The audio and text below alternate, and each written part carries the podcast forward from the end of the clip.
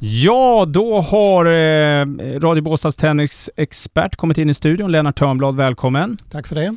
Ja, vi eh, fick precis eh, höra här eh, innan att eh, Henri Laxonen som slog Ymerbrodern igår eh, drar sig ur på grund av skada. Ja, lite oväntat och, och väldigt synd. Han har ju antagligen varit ganska sliten. Han spelade ju kvalet, gick vidare i kvalet men fick tre stycken tresetsmatcher, ganska långa tresetsmatcher. Och sen då två matcher på det. Så han har ju spelat fem matcher i alla fall på sex dagar. Mm. Vilket sliter såklart i den här värmen och allting. Så, och de vill ju ofta inte riskera någonting, något allvarligt, att man, man slår upp en skada riktigt rejält kanske. Så att det är väl, han har säkert tagit ett, ett, ett eh, rätt beslut. Men synd för turneringen och synd för honom. Ja, och synd för alla de som har åkt in till Båstad för att se just Kasper Rud idag. Men han eh, spelar istället imorgon.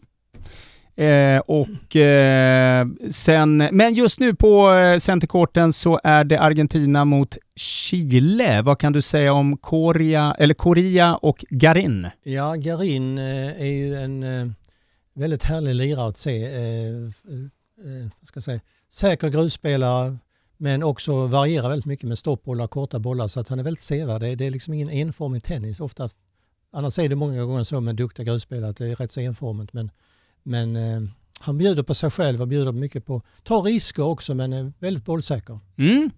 Eh, och jag kan bara säga det eh, att tysken Jannik Hanfman eh, tog sig också vidare i, eh, tidigare under eh, eh, förmiddag, eftermiddag kan man säga. Den matchen gick in i klock till och med halv ett tror jag den slutade.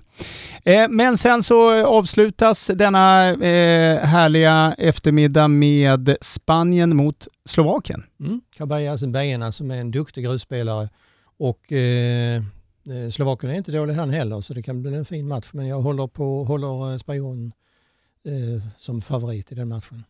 Eh, Gombo som faktiskt eh, då har slagit ut en, några, några spelare, speciellt en del sidade eh, spelare som man hade trott skulle gå mycket längre än vad de gjorde. Ja, han får man väl säga är turneringens överraskning så här långt tillsammans med Hanfman då.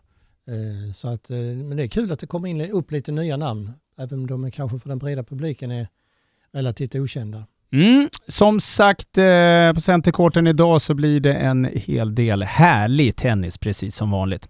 Eh, tack så hemskt mycket Lennart för att du kom förbi eh, denna härliga fredag. Mm, tack.